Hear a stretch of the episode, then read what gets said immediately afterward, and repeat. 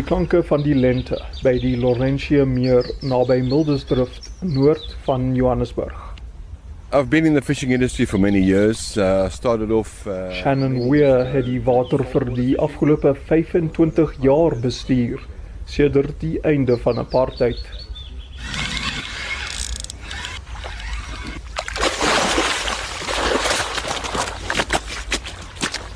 Weir kyk hoe 'n hengelaar 'n vis inkatrol en in 'n net skep.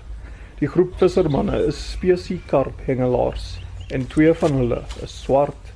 Hulle neem foto's van die groot vis, sit antiseptiese medisyne op die hoekwond in die vis se mond en plaas haar versigtig terug in die water. Hoe sê toe hy eers begin het om by Laurentia te werk, was die plek baie verkramp, soos hy dit stel. Net wit hengelaars het hier vis gevang, sê hy, en al wat jy kon sien was kakie kortbroeke en two-tone hemde. Maar hoe sê vir die afgelope jaar of so, was hy nogal verstom om te sien hoe swart spesie karp hengelaars by Laurentia opdaag.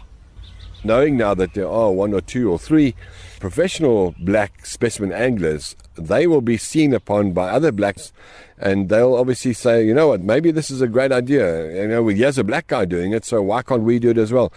So whenever I hear een van die swart pioniere is die 33-jarige Lufuno Mamatunchwa. Hy is 'n fris jong man met 'n ronde oop gesig. Hy glimlag baie om sy perfekte spierwit tande te wys. I'm actually the first black person in Africa who is onto fishing and then he's actually running his own bait company. When I think about it, I become so emotional and developing his own Mama Tunshwa het in 'n klein nedersetting, Hamatsa, in Limpopo groot geword. Sy pa was 'n onderwyser daar en het sy seun leer hengel by 'n nabygeleë dam. Wanneer hy nie visvang nie, is Mama Tunshwa 'n administrateur by die Universiteit van Johannesburg. Maar Wat hy eintlik wil doen is om sy nuut gestigte aasmaatskappy, Emperor Carp Baits, voltyds te bestuur. 90% of the guys who are buying my bait is white guys.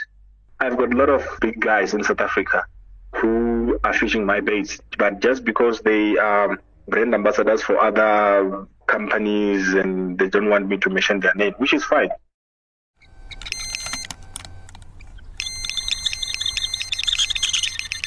In 'n alarm wat aan 'n visstokhouer vasgemaak is, skree om aan te kondig dat 'n karp een van Quentin Lock se boilies ingesuig het.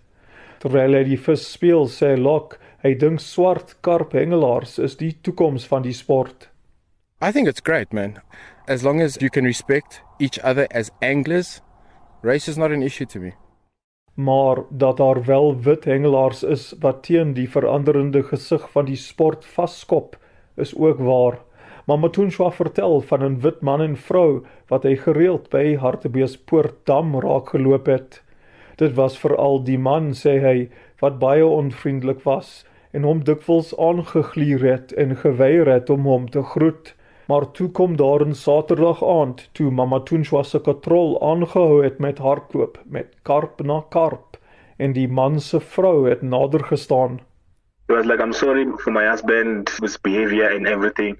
I'm a fisherwoman. I would love to know what you are using, what you're doing. I gave her my own bait. I was like, go and use this. You catch fish here in this dam. And she went and changed her lines. She was using pink rods, two pink rods. Went and took them out, put my baits on. Three hours later, she was having a fish fish. The husband was angry. I don't have time. Maar die man se woede het uiteindelik na jaloesie verander en binnekort het hy ook begin om Mama Tunjwa se boilies te gebruik. Die egpaar is nou van sy beste vriende in die hengelwêreld en hulle vang dikwels saam vis. Nog een van Suid-Afrika se baanbreker swart spesiekarp hengelaars is Daniel Mafana wat in die gesondheidssektor in Mpumalanga werk.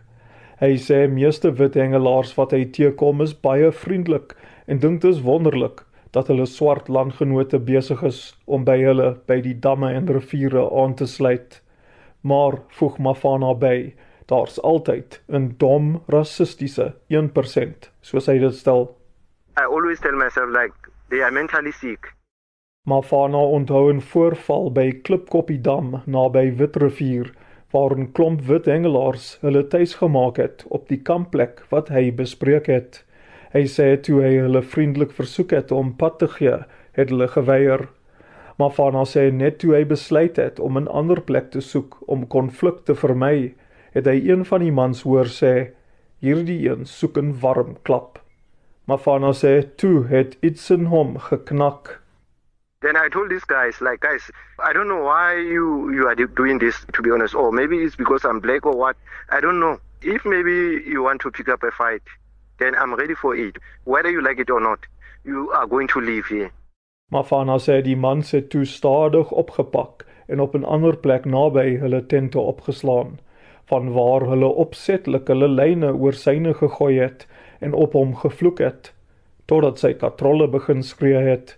That stupidity that no black people they can't fish. I did show them like no guys, this species they don't know anything about skin color. Where you come from, they don't know. The most important thing they are interested in what you are giving them. That's it. Lok maak geen verskonings vir rassiste nie, maar hy sê ook dat baie wit hengelaars by die viswaters gereeld aangeval word en hulle aanvallers is nooit wit nie. Guys are held at gunpoint and literally everything is taken. Ironies genoeg sê Mama Tunshwa, ervaar hy die meeste weerstand teen sy passie vir spesie karphengel van mense wat hy as sy eie beskryf.